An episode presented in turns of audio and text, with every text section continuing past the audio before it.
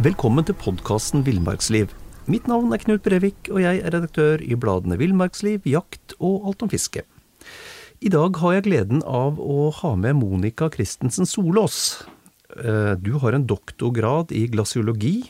Du har jobbet i Norsk Polarinstitutt og har ledet flere vitenskapelige ekspedisjoner i både Arktis og Antarktis. Du har vært direktør i Kings Bay på Svalbard. Du har ledet værvarslinga i Nord-Norge. Eh, du har vært generalsekretær i Redningsselskapet. Du har vært lærer. Og nå er du en kritiker hos krimforfatter, for å nevne det aller grøvste. Det er ikke så mange hvite hull i denne CV-en, Monica? Nei, eh, det er ikke det. Jeg er eh, en fryktelig aktiv person. Og litt utålmodig og, og veldig nysgjerrig, og da blir det sånn. Ja. men, men, for å starte med din forfattergjerning og, og, den fantastisk spennende boka 'Amundsens siste reise'.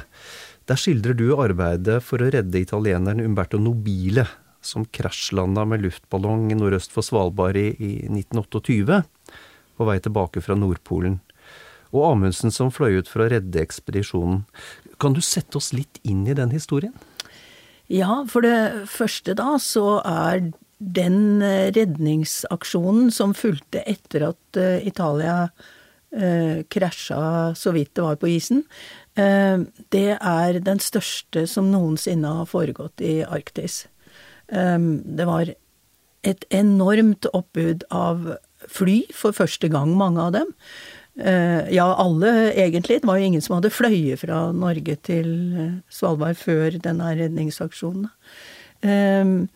Men eh, for å ta begynnelsen eh, Vi er jo veldig stolte av Norge-ekspedisjonen. Og Norge var et italiensk luftskip, og konstruert av Umberto Nobile, som var ingeniør. Han var med på turen, og han og Amundsen var ikke gode venner. Det er et gammeldags begrep, men kjemien stemte nok ikke helt der. Nei, nei. nei og, og så, to år etterpå, så finner da Umberto Nobile ut at han vil gjenta turen, men med det litt bredere formål å undersøke hele området rundt Polhavet, altså alle disse øyene som var rapportert osv. Eh, Norge kom jo over eh, Nordpolen og landa i Alaska. Eh, Umberto Nobile hadde først tenkt å dra til eh, Frans Josefs land og undersøke der, og så over til grønlandskysten, og så skulle kronen på verket være en tur til Nordpolen. Og dette var jo da i tidsrommet når fascismen i Italia begynte å bygge seg skikkelig opp. Eh, Mussolini var helt imot en ekspedisjon, så Italia-ekspedisjonen er finansiert stort sett ifra eh, Milano. Okay. Um, med vekslende hell, får man vel si. Altså, det redningsskipet som de hadde tatt med seg opp, det var en gammel kabelbåt fra Milano, mm. som heter Citta de Milano. Um, som var uegnet til å gå i isen, for å, for å si det sånn. Så uh, Nobile og folket, de uh, kommer inn på i Altså, dette her var ingen ballong, det var et luftskip sånn lang sigarformet sak med en gondol under. Og de var ehm, elleve stykker eh, i gondolen, og så var det seks stykker uh, oppe i selve um, sigaren, da, mm. som de drev med alt mulig. Og inni der så var det masser av sånne hydrogenballonger um, som holdt hele luftskipet oppe. Um, på den tida så trodde man at det var framtida. De trodde ikke at fly i det hele tatt skulle kunne klare seg så godt, på grunn annet av lasten som et sånt luftskip kunne ta med seg. Mm. Nå får du bladet Villmarksliv rett hjem i postkassa i tre måneder for kun 99 kroner. I Villmarksliv kan du lese om norsk natur, ærlige tester av klær og utstyr, og mange gode turtips skrevet av erfarne friluftsfolk, fiskere og jegere. Send SMS VILL36 til 2205 og motta bladet allerede neste uke. Lev livet villere med bladet Villmarksliv. There's never been a faster or easier way to start your weight loss journey than with PlushCare PlushCare accepts most insurance plans and gives you online access to board-certified physicians who can prescribe FDA-approved weight loss medications like Wigovi and Zepbound for those who qualify. Take charge of your health and speak with a board-certified physician about a weight loss plan that's right for you. Get started today at plushcare.com slash weight loss. That's plushcare.com slash weight loss. plushcare.com slash weight loss. Så nå ble de uh, Først så styrte de mot uh, Grønland, fulgte uh, kysten nordover. Um, fikk kartlagt at det var noen mytiske øyer ikke var der. Og så dro de til Nordpolen. De hadde med seg et kors fra paven som de slapp ned. Eh, da oppsto det etter hvert en diskusjon blant den svenske meteorologen Phil Malmgren, Nobile og navigatørene fra Italia om de skulle fortsette til Alaska eller ikke. Men eh, dessverre så snudde de og kom inn i en fryktelig motvind og storm, rett og slett, og luftskipet ble tyngre og tyngre på grunn av is, og så gjorde de en masse ting. Men da selve krasjet foregikk, så var det jo ikke hele ballongen, det var bare den lille gondolen som ble revet løs, mm. og en av motorgondolene baki. Så plutselig eh, befinner da eh, ti personer seg på isen Eh, noe av det siste som skjedde, var at radiooperatøren tok med seg en, eh, eh, en sånn redningsradio, eller hva skal du si, en liten radio, og, og holdt rundt den og hoppet ned på isen, sånn at de faktisk etter hvert fikk radiokontakt Akkurat. med omverdenen. Mm. Med mye om og men, som folk må lese i boka mi, da. Mm. Eh, og dette her var jo enorme nyheter. Altså at, at noen hadde overlevd. Eh, hvor kunne de være? Men det tok ganske lang tid før de ble funnet. Eh, de styrta da 26. mai, og ble ikke observert på isen før 19. juni. Akkurat. Um, men de seks som var inne i luftskipet, uh, de forsvant. De kan nok ha landa like i nærheten av gondolen, men like i nærheten er et høyst relativt begrep hvis du skal gå over sjøis. Mm. Så ca. 20 km har jeg beregna det til, da. Um, og det var voldsom interesse for å redde dem. Masser av, av aktivitet. Norge hadde jo nettopp da overtatt uh, styringa med Svalbard. Mm. Uh, formelt i, i 1925. Og det var helt klart at de skulle sende en redningsaksjon, og helt til å begynne med, da man fikk greie på at uh, Nobele-gondolen med Nobile var ute på isen et eller annet sted, så spurte de jo Amundsen kunne du tenke deg å eh, lede en redningsaksjon. Mm. Men veldig fort så ble det jo klart at den norske regjeringen ville nok helst ha det annerledes. Det er to andre helter som hiver seg av gårde, da. Mm. Det er Hjalmar Riise-Larsen og Finn Lützow. Mm. Som virkelig er Altså, de er flyverhelter. Det er en mm. helt annen type helt enn en polarhelt. Men like fullt, dette var S, altså. Og de hiver seg av gårde og er på Svalbard allerede 31. mai.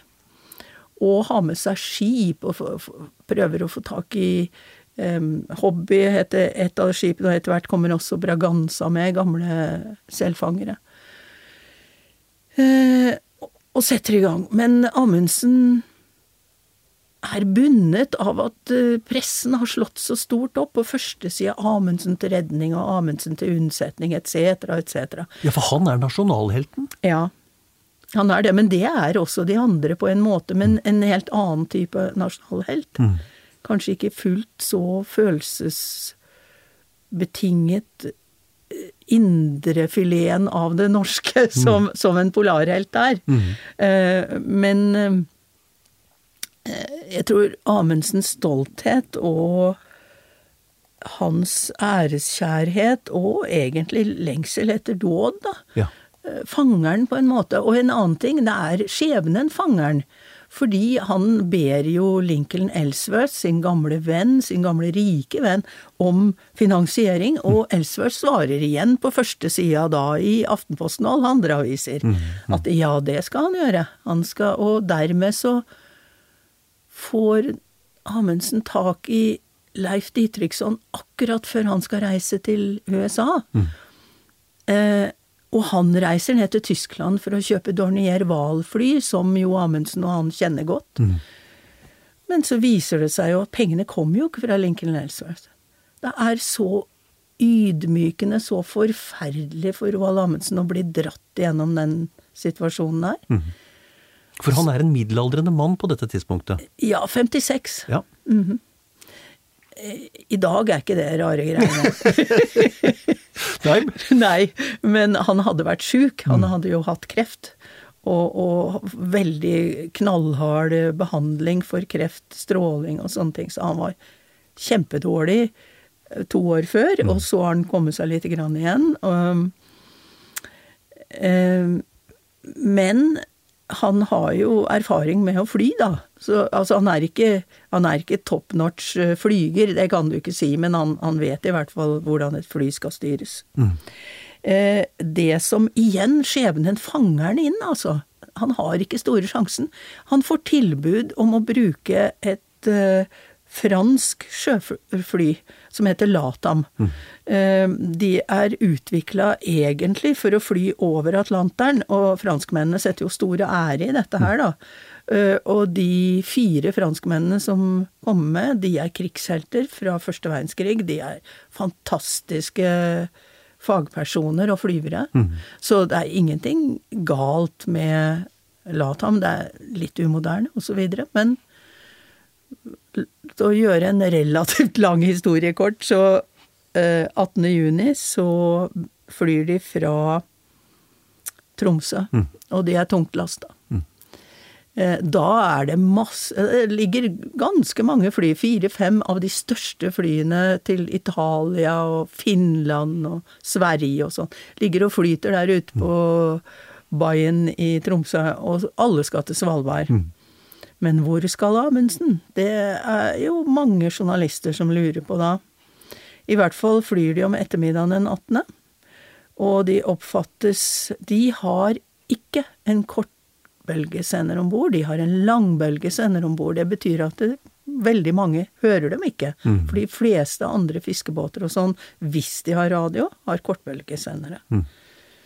Men Amundsen blir hørt en rekke ganger, eh, og, men han blir ikke hørt av Bjørnøya, det er en fantasi. Og han har heller ingen kontakt med Kingsberg, det er bare tull. Og det, det, det blir Det irriterer meg lite grann, altså. At folk ikke kan eh, prøve å være korrekte når de skal fremstille historie. For historie er ikke eventyr. Det er ikke beretninger for moro skyld. Det er det som hendte som interesserer meg, i hvert fall. Eh, kvart på syv på kvelden så hører Geofysisk institutt har jo kontakt med alle ishavsstasjonene, og også Ingøy Radio, som er hovedstasjonen i Norge. Em, og da hører de Latam, eh, 1845 cirka, anrope eh, Hvem er det de anroper, det husker jeg sannelig ikke, men det er i hvert fall ikke Kingsberg. Men de vil, de vil eh, De forsøker å, å få formidlet syv telegrammer til Kingsbay. Og um, det er ingen nødmelding overhodet. Det er bare informasjoner de er interessert i å få fram. Det som det ser ut for meg, er at eh, Latam ikke hørte noen. Eh, og det kan ha en naturlig sammenheng med at de brukte mottakerantenna som retningsantenne for å peile de forskjellige radiostasjonene for å vite hvor de var. Så går strømmen, da, i Tromsø. For sikkerhets skyld, ja. For sikkerhets skyld. Og det var det siste man hørte. Eller var det det? Var det det siste man hørte fra Latam? På natta mellom 18. og 19. så har da Green Harbour, som er hovedstasjonen og har døgnvakt på kortbølge og langbølge, de hører Latam. eh, klokka tre om natta. Mm. Og eh, de får ikke tak i hva Latam sier, men de får jo heller ingen kontakt, sånn som ingen av de andre har heller hatt kontakt med Latam i den forstand at Latam har hørt dem og, og svart på spørsmål.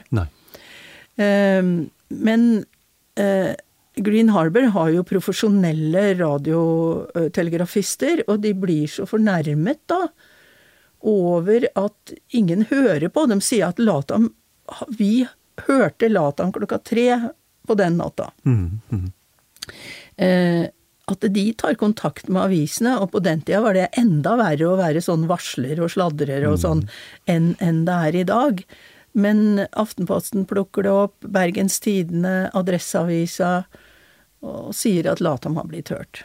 Men fordi at eh, da er det virkelig slutt. Da er det ingen som hører eh, Latam mer. Nei. Eller er det ikke det? det er en det er en observasjon som er veldig tvilsom, men det er en observasjon ved ett-tida på natta omtrent. Ok. Og det er jo en, en italiensk offiser som har hørt motordur av et fly midt på natta. Og det er ingen andre fly som er på vingene da. Så det må ha vært Latam. Mm, mm. Men det er jo klart, eh, han mannen her han var ute på sjøisen og kanskje ikke av, av de aller klareste øyeblikka i hans liv, da. Nei. nei. Hva, hva tror du egentlig altså for, det, for dette er jo det, dette er det siste vi, vi, vi hører da fra, fra Amundsen. Hva, hva tror du skjedde, skjedde med ham? Ja, jeg har jo Jeg har jo skrevet ei hel bok om det, og, og, og den boka er ei dokumentarbok. Den Jeg har brukt alt jeg kan som forsker. Mm. Eh, og jeg tror jo at det hele tida var Amundsens hensikt ikke å dra til Kingsberg. Fordi der var det fullt av båter og besøkende journalister, fotografer, filmfolk. Det var ikke ei seng å oppdrive. Og der du- var, altså, det var ingen grunn for han Et, et poeng er at de hadde ikke flybensin. Nei. Og, og det trenger flyene når de kommer dit. Eh, eh, men jeg tror hans hensikt var å dra opp til Hjalmar Riise-Larsen, som var hans gamle, gode venn og kollega, og de hadde flybensin. Og Latam hadde ikke noe problem med å nå så langt. Det var vel eh, Point of no return var nok litt før de kommer opp til Beverlysundet, men ikke mye. Og når de kommer til Beverlysundet, så er det jo midt på natta. Og selv om det er vanlig å snu døgnet, så hadde de ikke gjort det på Braganza. Sånn at eh, det var antageligvis ingen, ingen tegn til liv der, de lå og sov. Og da har de tatt seg en liten tur, fordi en av de tingene som utmerker en flygerhelt, er at du sover ikke særlig mye. Du, du flyr i 24 timer og sånn, og det blir betraktet som noe særdeles heltmodig og fint da, hvis du gjør. Så de har fløyet lite grann. Og deretter blir det gjetning. Men jeg tror at eh, det stemmer med bensinforbruket, eller drivstofforbruket.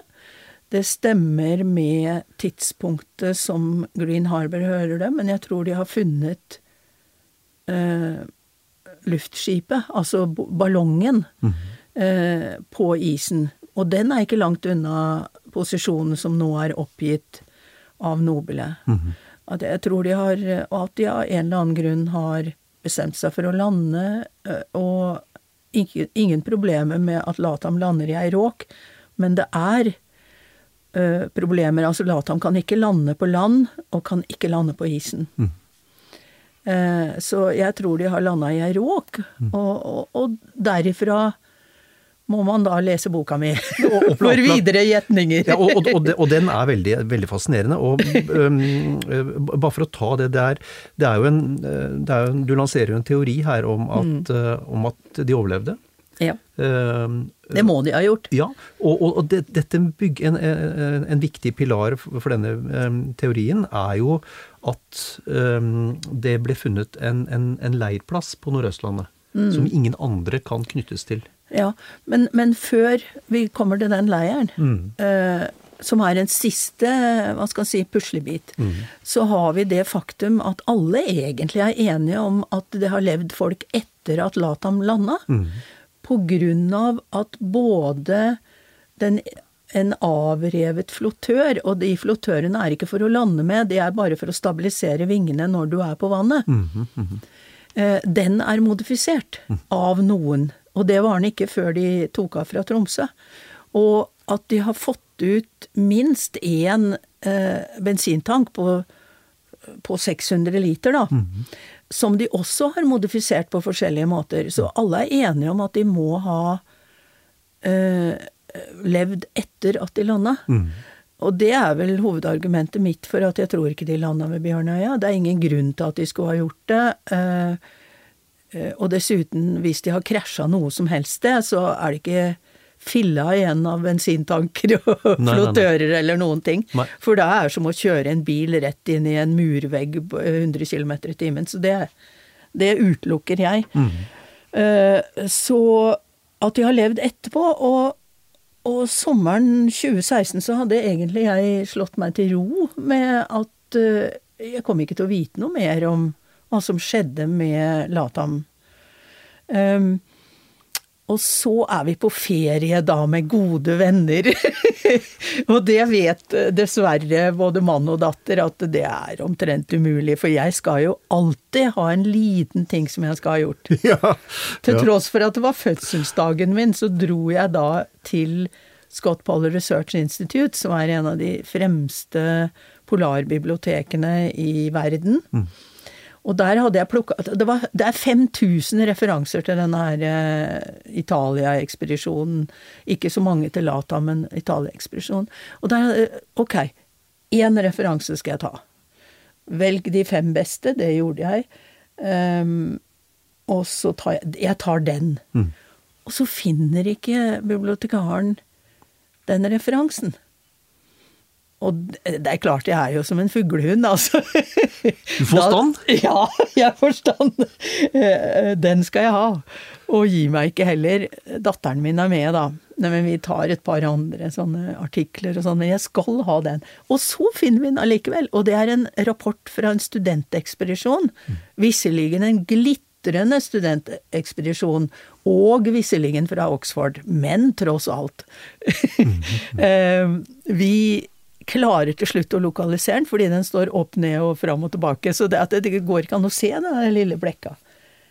Og jeg har trodd at det de har funnet, egentlig er vrakrester, og jeg har trodd det var på Storøya.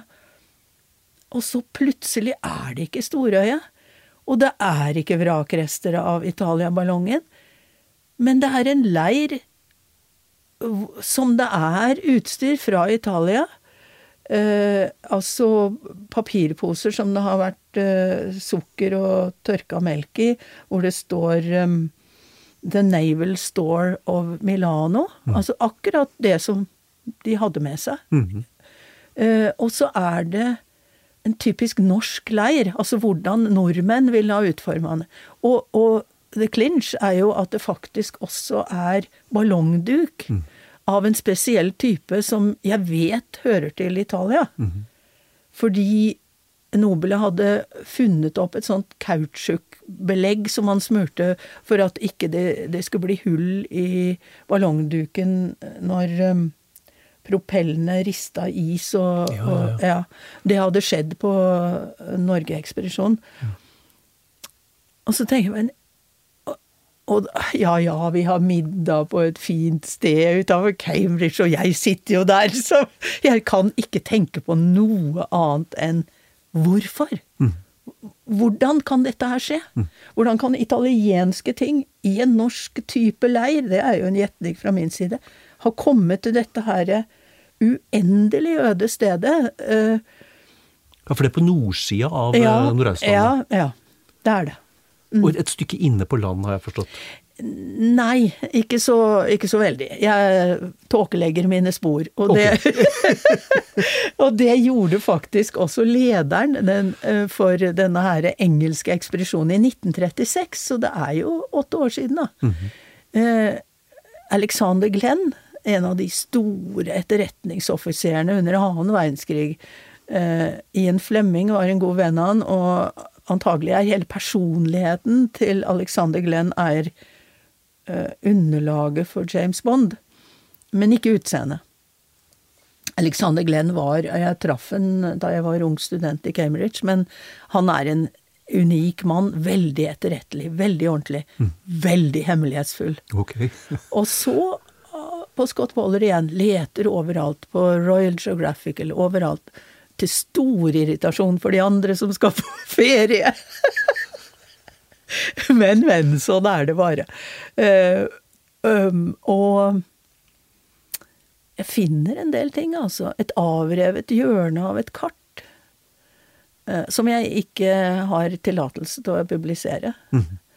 Uh, så det blei ikke med i boka, men det er like greit. For jeg tenker sånn Det er ikke mulig for eh, de italienerne som var i ballongen, og kunne Som var igjen der, og kunne gå over sjøisen til det stedet. Det er kanskje 100 km med sjøis og råker og alt mulig. Det kan de ikke, for vi, for vi vet det. Fordi at det var eh, to italienske offiserer og Film Malmgren prøvde å gå fra Nobles teltleir og til land, mm. og de klarte ikke 10 kilometer engang. Så, så det vet vi. Eh, hvordan i herrens navn har de da kommet seg til det stedet mm. med det utstyret? Eh, det uh, lurte Alexander Glenn også på. Uh, så han spurte da de som hadde vært på hundeturer sammen med italienske alpejegere og sånn i 1928. Uh, de to lederne for hundes, hundespanekspedisjonen, de er fortsatt i Longyearbyen. Så han uh, spør dem mm. hadde dere med sånt utstyr. Hadde dere med Italia-utstyr? Nei, det hadde de ikke. Mm. Det er ikke noe fra hundespanene. Mm. Men fortsatt så er jo det favoritteorien for alle de som er uenige med meg. Og det må en jo si er de fleste. Men jeg mener det at uh, antageligvis har Latam blitt brukt som livbåt. Og da er det ikke en lang avstand. Men du bruker enormt med drivstoff. Så det er årsaken til at de kom seg ikke lengre enn dit. Uh, men de har jo gått videre, da. Så, og det er fortsatt ja, for der slutter sporene, på en måte. Det er det, ja. det, er det siste. Foreløpig. Foreløpig. Ja, ja foreløpig. Akkurat. Det er fantastisk. Det er en fantastisk bok og en veldig spennende, spennende teori. Eh, men, men du, vi, vi, må nesten eh, litt tilbake til, til yrkeslivet ditt, vi, mm. Monica. Um, som sagt, det var ikke så mange hvite hull der. Har du, har du hatt noen karriereplan underveis her? Nei. Ja, har jeg ikke. ikke overhodet. Jeg, eh, jeg tror at det helt, helt til å begynne med, da jeg studerte, så tenkte jeg at dette her er så gøy. Jeg skal aldri gjøre noe annet enn å studere i hele mitt liv. Og, og, det rare er at sånne ting, tanker du har veldig tidlig i livet, det viser seg å stemme, altså. Mm. Jeg har ikke lyst til å ha noe mål. Eh, jeg vil bare gå. Mm. Langs veier og stier og uh, fram og tilbake. Og veldig ofte så tar man feil. Mm. Man tror eh, at det er det man har lyst til, men det viser seg ikke å være riktig. Mm. Jeg, jeg, jeg, tenker på, på, på, jobbene du har hatt. Det er jo, det er jo krevende jobber som, som mm. fordrer uh, sterk tro på egne evne og, og, e, og, egen evne til å ta beslutninger. Mm. Hvor kommer, hvor kommer selvtilliten din fra? Uh, jeg tror Ja, det var et godt spørsmål, gitt. Uh, jeg overvintra jo på Svalbard i to år som eneste kvinne og seks menn. Mm. Det var en tøff periode, det skal ikke si noe annet, men vi er venner den dag i dag. Så vi må jo det må jo ha vært noe. Ja. Um, etter det, etter å ha levd der oppe med eh, Min hobby var da hundespann og så videre. Etter å ha levd der oppe i to år og komme ned til fastlandet, så var jo det en stor forskjell. Mm -hmm. men ikke bare at jeg er nøyd med å dra til eh, Norge. Jeg, jeg fikk jo fellowship i Cambridge. Mm -hmm. Og det var altså en vanvittig forskjell. Og skal du studere i Cambridge, så er det én ting som gjelder. Du får så godt som aldri ros. Og den kritikken du får, er knallhard hver dag. Og det må du tåle, for det er det som gjør deg bedre. Okay. Så det er et hardt, på mange måter et hardt miljø. Så har jeg selvtillit, og det har jeg jo, så tror jeg én, den er medfødt. Eh, to, den fikk jeg i Cambridge. Ok. Ja. For der får du ikke noe gratis. Ingenting. Nei. Nei. Etter det året jeg tok eh, doktorgraden, så tror jeg 97% av alle de som var påmeldt eh, tre år tilbake, de klarte det ikke. Å, du verden. Ja, ja. Men det er jo ikke sånn i dag, da. Det er litt mildere, mildere i dag. Men det er, det er ingen spøk, altså. Nei. Likte du å være leder? Ja, jeg liker å være leder jeg, Altså, det er, igjen er det medfødt. For jeg kan husker jeg satt sammen med skolekamerater da jeg var seks-sju år, og vi skulle velge leder, og så sa de andre jentene det, enda de var så bitte, bitte små, så sa de det, Monica, det er du som er leder, du får være leder, du. Og jeg tror det har noe med selvtilliten å gjøre, det er evnen til å ta raske beslutninger. Eh, fordi ofte så er grunnen til at ting går gærent, det er at du tar ikke beslutninger fort nok. Det er ikke det om det er riktig eller feil beslutning. Du bør ha mer enn 50% riktige beslutninger, da. Men, men jeg tror det at du nøler, det kan ofte være et problem. Eh, Jeg liker godt å være leder i eh, ekspedisjoner. Mm. Men jeg, jeg er ikke så glad i å være administrativ leder. Fordi eh, jeg tenker raskt, jeg tenker hele tida. Jeg har en forferdelig rar form for humor. Den kan være veldig både saftig og ganske hard å fordøye. Um, og jeg tror jeg er et slit som, som administrativ leder. Uh, jeg blir også veldig irritert hvis folk ikke kan det de sier de kan. Da blir jeg fryktelig irritert og ubehagelig. Og, så jeg er ikke så god på det, altså. Jeg er ikke så god på liksom-lederskap. Nei. Det er, det er jeg tror mer eh, Jeg er ikke god på ledelse i fredstid, for å si det sånn. Nei. Jeg er mer militær type leder. Jo, jo, men det er jo Ja, det er, det er og, og eh, det har det er, jeg, tror, jeg tror jeg skulle ha valgt annerledes eh, på et par av de jobbene, i hvert fall. Uh, I etterkant Jeg fant en ting i går som jeg slåss voldsomt for i, da jeg var direktør i Kingsberg. Og det viste seg at jeg har rett. At jeg hadde rett. At dette er en fordel i dag. Jeg skal ikke komme inn på hva det var. Men det hjelper ingenting når du skal stå i den motstanden du får akkurat der du velger det. Nei. Det å få rett er ikke særlig moro, altså. Nei. Nei. Det er, det er sånn at ja, ja, du får rett, men hvem husker det i dag? Mm. Vi må, vi, må, vi må ta starten med dette med det polare også. Altså, hvor, hvor, dukka, hvor dukka det opp? Hvor, hvor begynte din fascinasjon for det, pola, for det polare livet? Ja, det er, har jeg blitt spurt om helt siden jeg begynte med Svalbard og sånn, og jeg vet ikke. Nå får du bladet Villmarksliv rett hjem i postkassa i tre måneder for kun 99 kroner. I Villmarksliv kan du lese om norsk natur, ærlige tester av klær og utstyr, og mange gode turtips skrevet av erfarne friluftsfolk, fiskere og jegere. Send SMS VILL36 til 2205 og motta bladet allerede neste uke. Lev livet villere med bladet Villmarksliv. There's never been a faster or easier way to start your weight loss journey than with PlushCare. PlushCare accepts most insurance plans and gives you online access to board-certified physicians who can prescribe FDA-approved weight loss medications like Wigovi and Zepbound for those who qualify. Take charge of your health and speak with a board-certified physician about a weight loss plan that's right for you. Get started today at plushcare.com slash weight loss. That's plushcare.com slash weight loss. plushcare.com slash weight loss. Jeg vet ikke. Det, eh, det står i, jeg, noen, jeg har noen dagbøker fra jeg er en 11-12 år, og der har jeg skissert et slags livsløp. Ja vel? Ja, At jeg først skal studere matematikk og fysikk, det var jeg veldig interessert i. Og så skulle jeg bli forfatter. Og det står ikke noe sted om at jeg skal at jeg skal gjøre noe annet. Altså at, at eh, polarområdene dukker opp. Men jeg kan også huske da jeg er åtte år, så har jeg da jeg er og besøker farmor på gården i Solør, så har hun ei bokhylle hvor da Helge Ingstads bøker er, uh, Peter Freuchen, alle de klassikerne som kanskje vi har glemt nå. Og det Altså, det, altså vennene mine fra barneskolen sier at jeg sa at jeg skulle bli polfa, altså polar At jeg skulle drive med polarekspedisjoner, men jeg kan ikke huske det. Det bare blei sånn. Ja, ja. ja. Det avgjørende øyeblikket var nok oppe i Tromsø da jeg var ferdig med kandialen i, i plasmafysikk.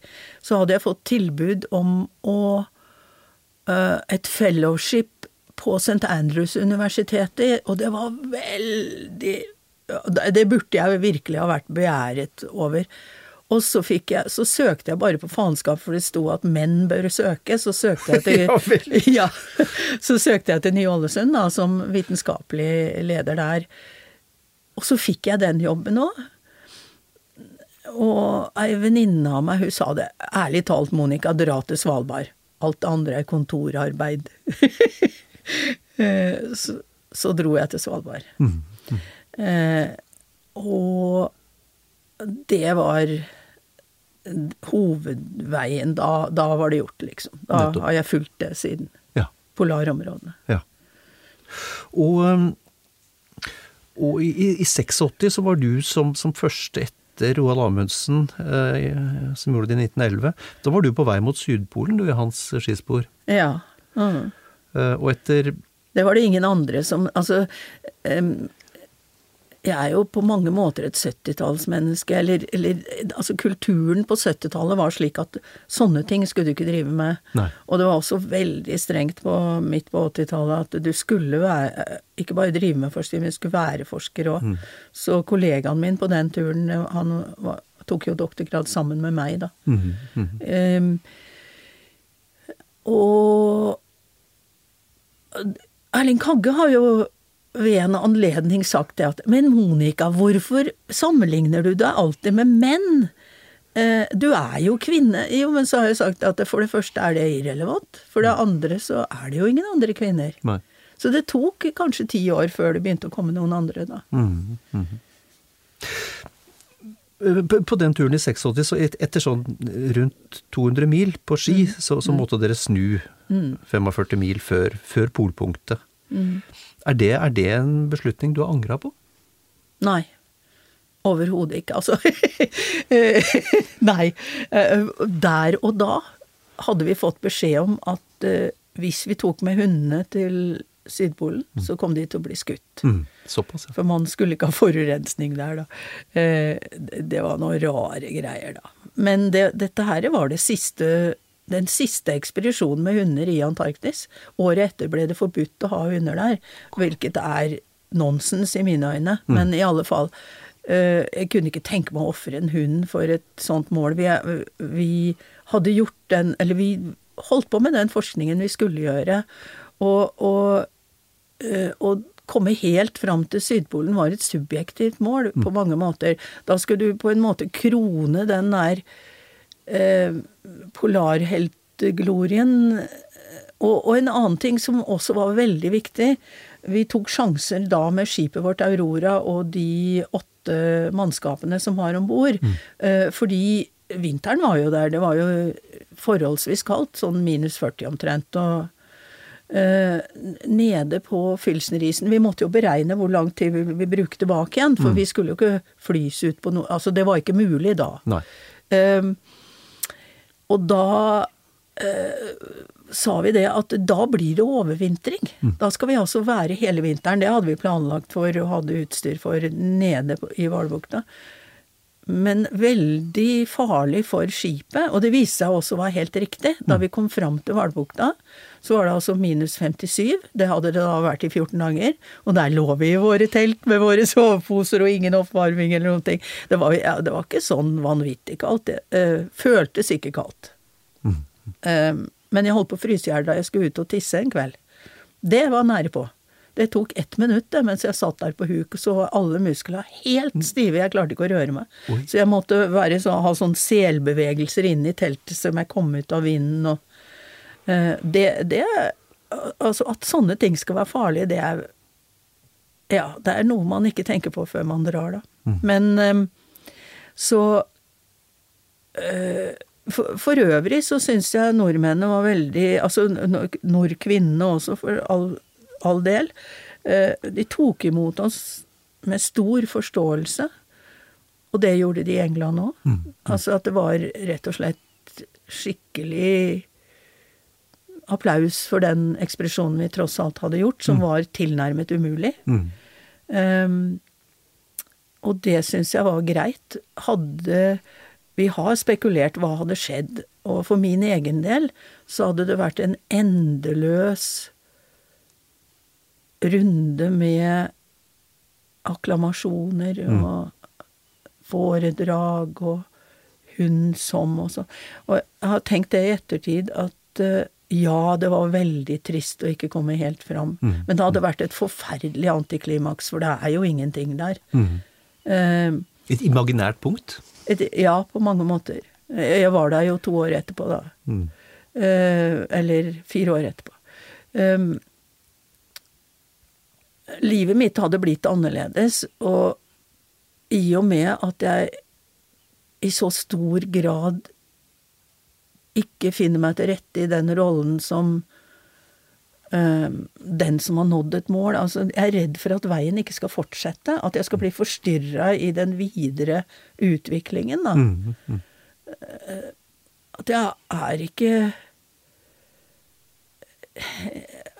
Jeg er ikke så Jeg er en vandrer, altså, på mange måter. Og jeg vil at tingene skal gå videre og videre og videre, og oppdage stadig nye ting og sånn, og, og da hadde jeg vært nødt til å finne meg i å stå der oppe på en sånn stein og ha et skilt, kobberskilt under seg. Ja ja, hun kom til Sydpolen, men da var det slutt. For, for, for da hadde du blitt Polmonica, du. ja, da hadde jeg blitt Og du er ikke ubetinget glad i den, eh, den eh, polarheltstatusen? Eh, Det er mulig vi trenger polarhelter, og vi har gjort det i en periode i norsk historie. Trengte vi virkelig polarheltene for å kunne reise oss igjen. Men um, den er ikke for meg. Og, og jeg respekterer de som tar det valget at de vil være helter. Eh, det er et slit, og det er en jobb som jeg er veldig glad for å slippe. Eh, men eh, jeg sa det en gang oppe i Tromsø, at jeg vil ikke ha beundring, jeg vil ha respekt. Og, og den gleden er å sitte sammen med kolleger og prate om ting som vi har gjort og ikke gjort og sånn, den er altså eh, Så Den er veldig verdifull for meg. Men ikke sånn at du blir en del av underholdninga. Det, det er ikke noe for meg. Og, og for all del, altså, gratulerer til de som holder ut det der, men ikke jeg.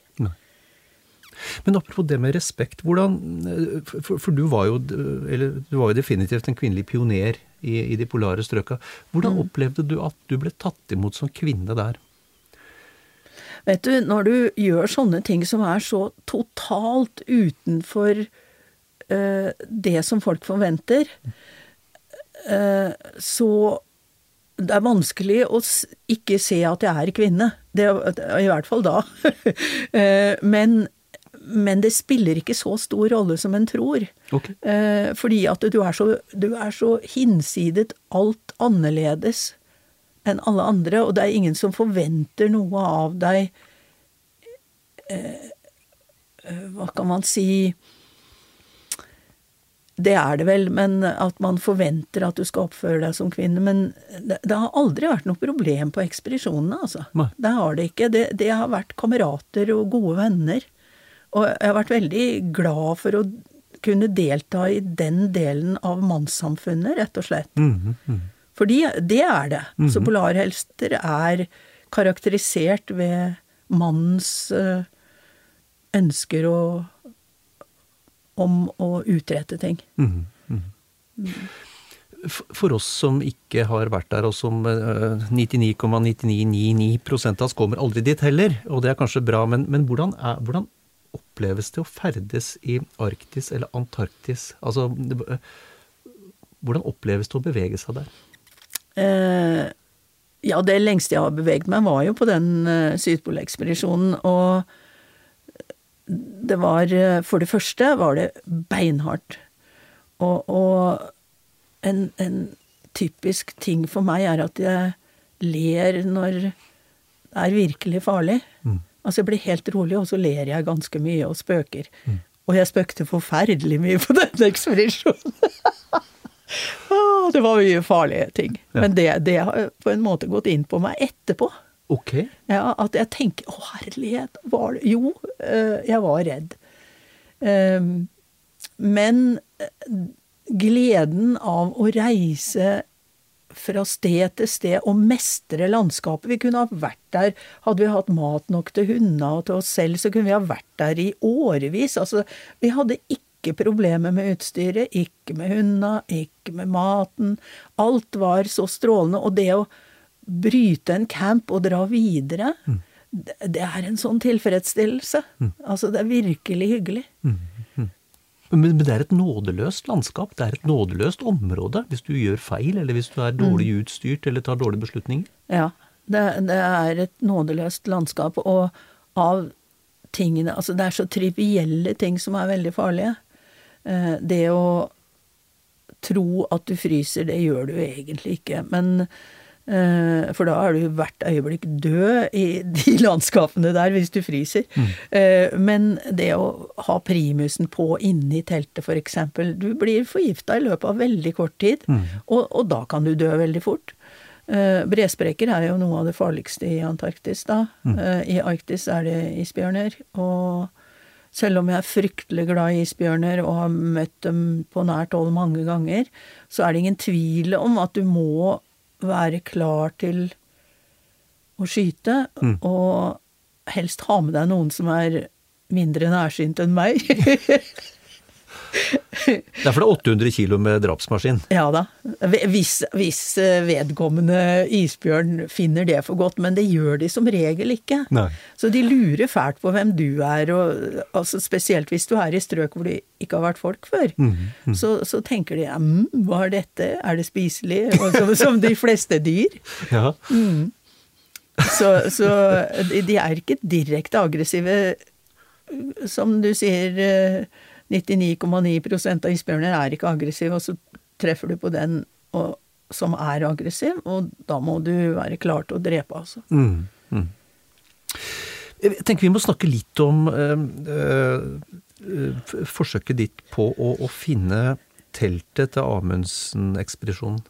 Eh, det, det ble et svare strev, det, eh, i Ja, media. Det. ja. Var, altså, og, og veldig mange ønska ikke at du skulle hente hjem telt over hodet. da. Eh, Hva, hva var hva bunna denne motstanden i?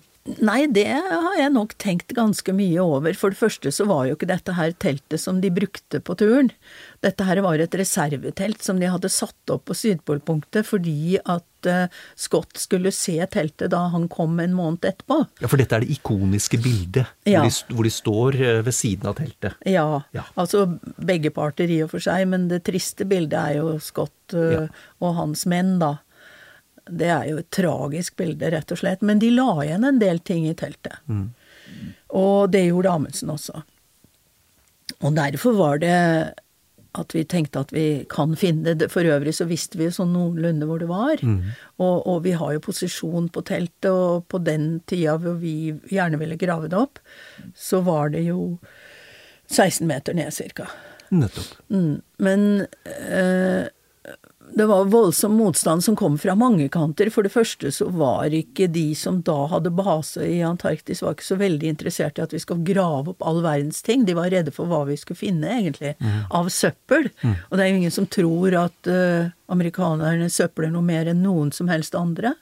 Så, så det var jo ikke vår hensikt, i hvert fall. Men den voldsomme motstanden, og den syns jeg egentlig er veldig usunn. Jeg har tenkt over det mange ganger.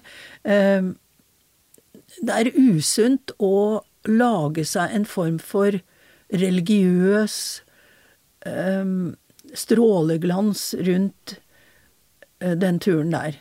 Det var en flott tur, og Amundsen eh, og eh, ved hjelp av sine menn, da, gjorde mange riktige valg, de modige valg, og, og de fortjente å komme først. Eh, men at teltet Altså hvis Sånn som det ligger i dag, så er det jo tapt. Og det er gjenstandene inni teltet òg. Og da må man spørre seg hva, hva slags um, holdning har folk til historie eller arkeologi, når de mener at det på en måte er et hellig sted? Og for ikke å snakke om, hva, hva sier de hvis vi finner eh, Latam og, og, og Amundsen, faktisk?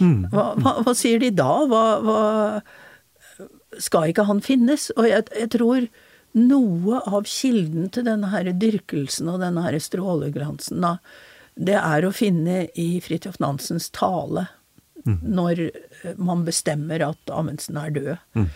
Ehm, og eh, den er jo så vakker og så flott, men han forherliger og prøver å få det til at Amundsen på en måte går inn i de udødeliges rekker.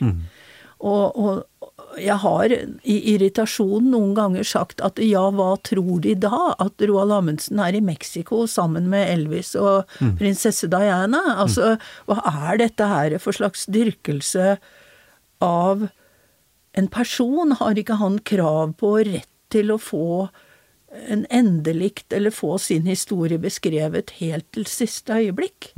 I, I mine øyne uh, syns jeg det. Men jeg har ikke noe mål med å finne Dietrichson, Amundsen, Gibault, de Quervelville, alle disse her folka som nå ligger ute i terrenget et eller annet sted. Nei. For vi vet de er der. De har ikke gått over i en femte dimensjon. Eh, så det er ikke noe mål for meg, det. Jeg bare eh, er interessert i hva som skjedde. Og, og, og jeg syns det er usunt at folk ikke er det. Det er akkurat som om ja, hvis historien ikke kan beskrives som en Walt Disney-historie, ja, så er den ikke noe verdt. Altså, det er akkurat som våre liv på jorda skal forherliges på en måte. Så det, så det er Jeg, jeg syns det var veldig dumt. Og for øvrig så var jo ikke hensikten med Filchner-programmet og Aurora-ekspedisjonene eh, alene å finne teltet. Det var jo eh, en, et tillegg, en, en luksusting. Mm. Vi er jo interessert i glasiologien på Sydpolen fordi det er et av de punktene som senest kan påvirkes av eh, klimavariasjoner. Eh, så det var en av våre mål. Vi hadde jo sju ekspedisjoner, altså eh, i eh, Vendelhavet og rundt omkring, og, og hadde et stort program. Og jeg er vel den eneste som har hatt en privat base i Antarktis, med rom for eh, 20 personer, hadde vi. Så eh, det var et stort program. Men eh, når jeg da mista logistikksjefen eh, og satt eh, sammen engelsk forsker i et telt like ved Sydpolen, da, da var jeg utslitt. Da var, da var jeg ferdig. Da hadde jeg ikke mer energi å gå på. Jeg ble jo i Antarktis i en måned etterpå. Kjære kollegaer og venner eh, støtta meg som best de kunne, men jeg hadde ingenting mer å gå på. Så da jeg kom hjem da, da var jeg virkelig ferdig, altså. Da, da var det Det var for øvrig hele familien min og, og venner. De var, nå var de lei. Så det var på tide å gjøre noe annet. Men, men hvor, hvor, hvor mentalt forberedt For dette er jo, vi har vært inne på, dette er et nådeløst landskap. Det er et farlig landskap. Mm. hvor mentalt forberedt er man på eh, at andre i ekspedisjonen eller en selv skal dø? Eh, altså uh, vet du, jeg er nok eh, mentalt Jeg forberedte meg mentalt på at jeg ikke skulle komme tilbake. fra Sydpolekspedisjonen. Og da pappa og jeg dro opp til hytta ved Drevsjø, som vi er forferdelig glad i. Og da sa jeg det, vet du, pappa, jeg håper jeg kommer tilbake hit, men jeg håper jeg kommer tilbake hit som levende. Eh, det var beinhardt for alle, altså. Det var det. Så eh, jeg tenker på det, og man er ikke så mye mentalt forberedt på at andre skal dø, men man er veldig praktisk forberedt på å gjøre alt en kan for å minimere risikoen. Um, eh, og det er ikke sånn at de er veldig organisert med, med å overtrekke rettigheter til bankkonti og testamenter og gud vet hva. Nei da, du bare hiver deg av gårde og tilbake om tre uker, og, og så videre. Det er, det er ikke sånn. Du kan ikke det. Du kan ikke gå og være redd for det store bildet. Nei. Du må være redd for de små detaljene. Mm, mm. Du var jo inne på det. De- De nestkommanderende falt jo i en bresprekk eh, med scooteren og døde. Han, og det var heller ikke mulig å få han opp. Eh, Nei. Så, så han, han, han, eh, han, ble jo, han ble jo der. Og, og, og så hvordan vi, har jo vært litt inne på det. Du har jo stått i storm noen ganger, sånn både meteorologisk og overført betydning. Hvordan, hvordan bør man reagere på en storm for å, for å overleve? Når det gjelder eh, Josteins eh, ulykke og død, så var det Jeg tenker ikke lenger på det hver dag. Det gjør jeg ikke. Men hver uke. Mm.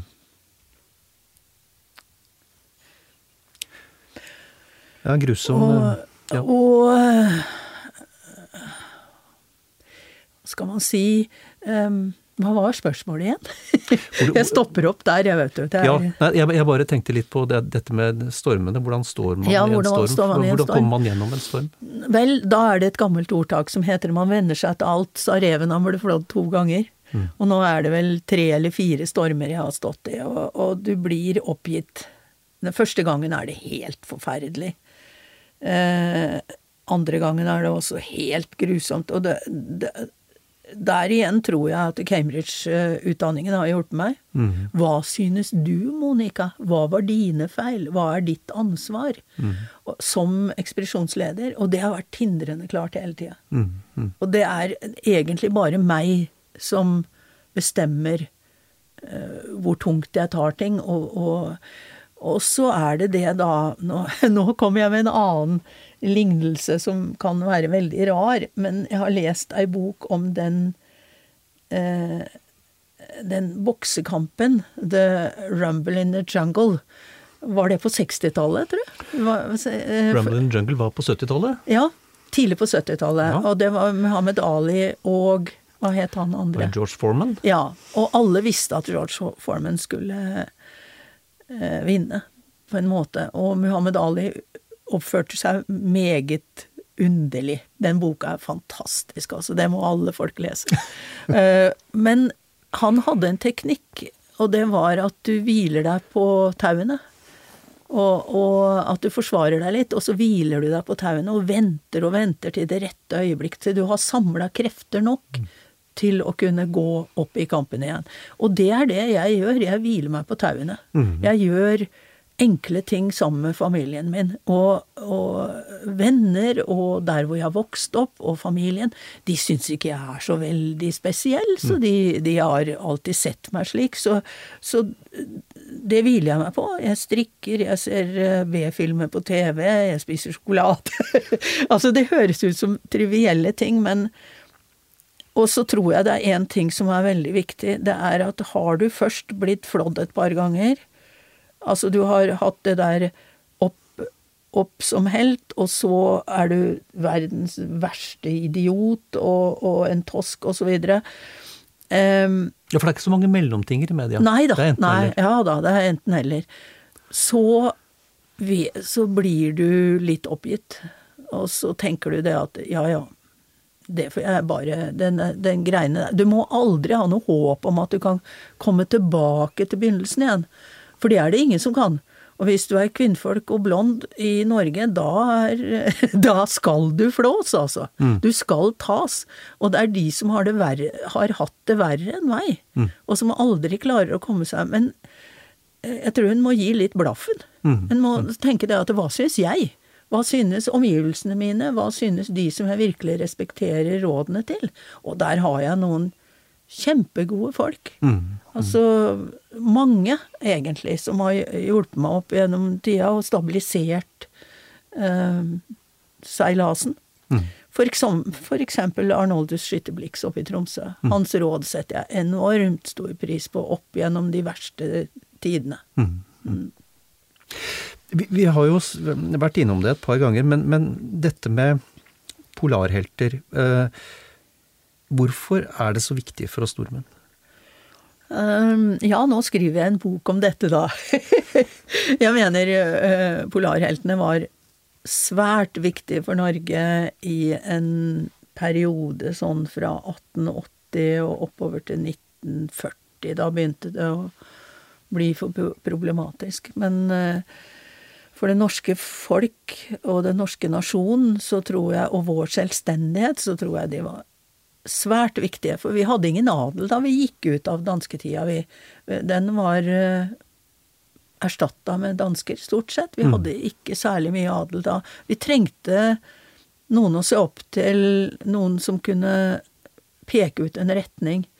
Og i løpet av den nye boka mi, 'Ishavsveldet', så har jeg jo til min store forbløffelse oppdaga da at vi faktisk har et gen. Nordmenn, ikke svensker, men, og ikke dansker, men nordmenn har et gen eh, som gjør at vi er spesielt eh, gode til å overleve i kulda. Mm. Eh, og vi har vel en historie som nå nærmer seg 15 000 år. For, for eldre er vi ikke som nasjon. Mm. Eh, der vi har levd av havet og spesielt Ishavet, hvor vi har vært stolt av det, og hvor, hvor det er vår spesielle egenskap, da, å kunne klare seg i isen. Så eh, jeg tror ikke en skal undervurdere hvor viktig det der er. Det, det er det. Nei, for fremdeles så er det jo altså Du er jo, enten du vil eller ei, så er jo du i denne gruppen med, med, med polare helter. Og fremdeles spiller det en rolle for oss. Vi, altså De store avisene bruker massiv dekning på, på de ulike ekspedisjonene. Det, er, det, har, det, spiller, det, har, fremdeles betydning. Ja, ja det har det. Og, og det er andre land også som har det på samme måten. Pussig nok England som er veldig opptatt av, av, sine polarhelter, da. I den grad at når de nå fant Endurance uh, uh, nede i Antarktis, mm. uh, på 2500 meters dyp, tror jeg, så er jo det en stor greie i England. Mm. Selv om det er et tomt skip, alle visste hvor det lå, det var bare vanskelig å komme ned med et kamera. Og alle blir så rørt og beundrer her, de bildene av det skipet som ligger der nede på havbunnen. Eh, og det kan jeg forstå, jeg syns det er artig sjøl. Eh, og så tror jeg at nordmenn spesielt, men også engelskmenn, skal være veldig forsiktige med å eh, forherlige helter til eh, å oppreise helter til en religion. Mm. Eh, det var jo i sin tid det. Eh, det er en gammel religion med helter, og da må jeg anbefale boka til eh, Hva heter den til fornavn? Campbell. Eh, som har skrevet en bok om helter. Mm. Om, om, om, hva som kreves av en helt. Og du skal igjennom en sånn udødelighetsopplevelse for å kunne bli en riktig helt. Mm. Jeg, tror, jeg, tror det er veldig uheldig. Jeg, jeg tror det er kjempefint, en god egenskap å beundre andre, løfte dem opp, selv om Altså, en forutsetning for å lykkes er at du har mislykkes minst ti ganger før det. Mm. Altså, du, du, kan ikke Du går ikke rett på å lykkes. Ikke engang Amundsen gjorde det.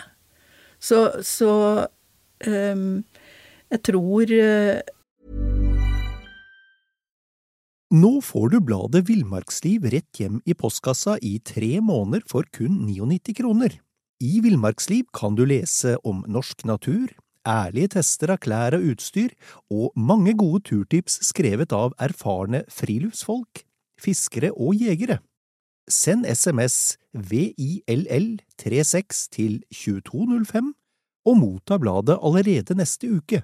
Lev livet villere med bladet Villmarksliv.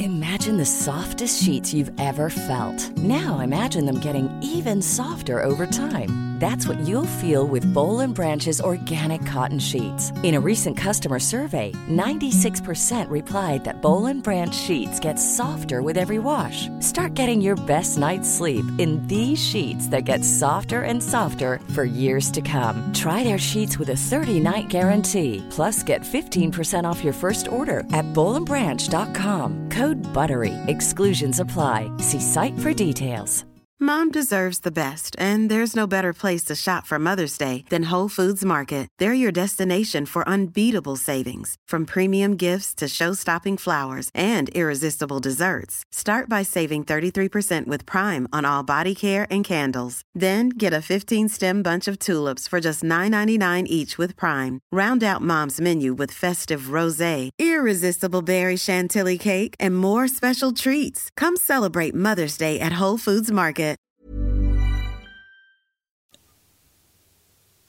Ja, det er egentlig det jeg vil si. Altså, helter er mennesker.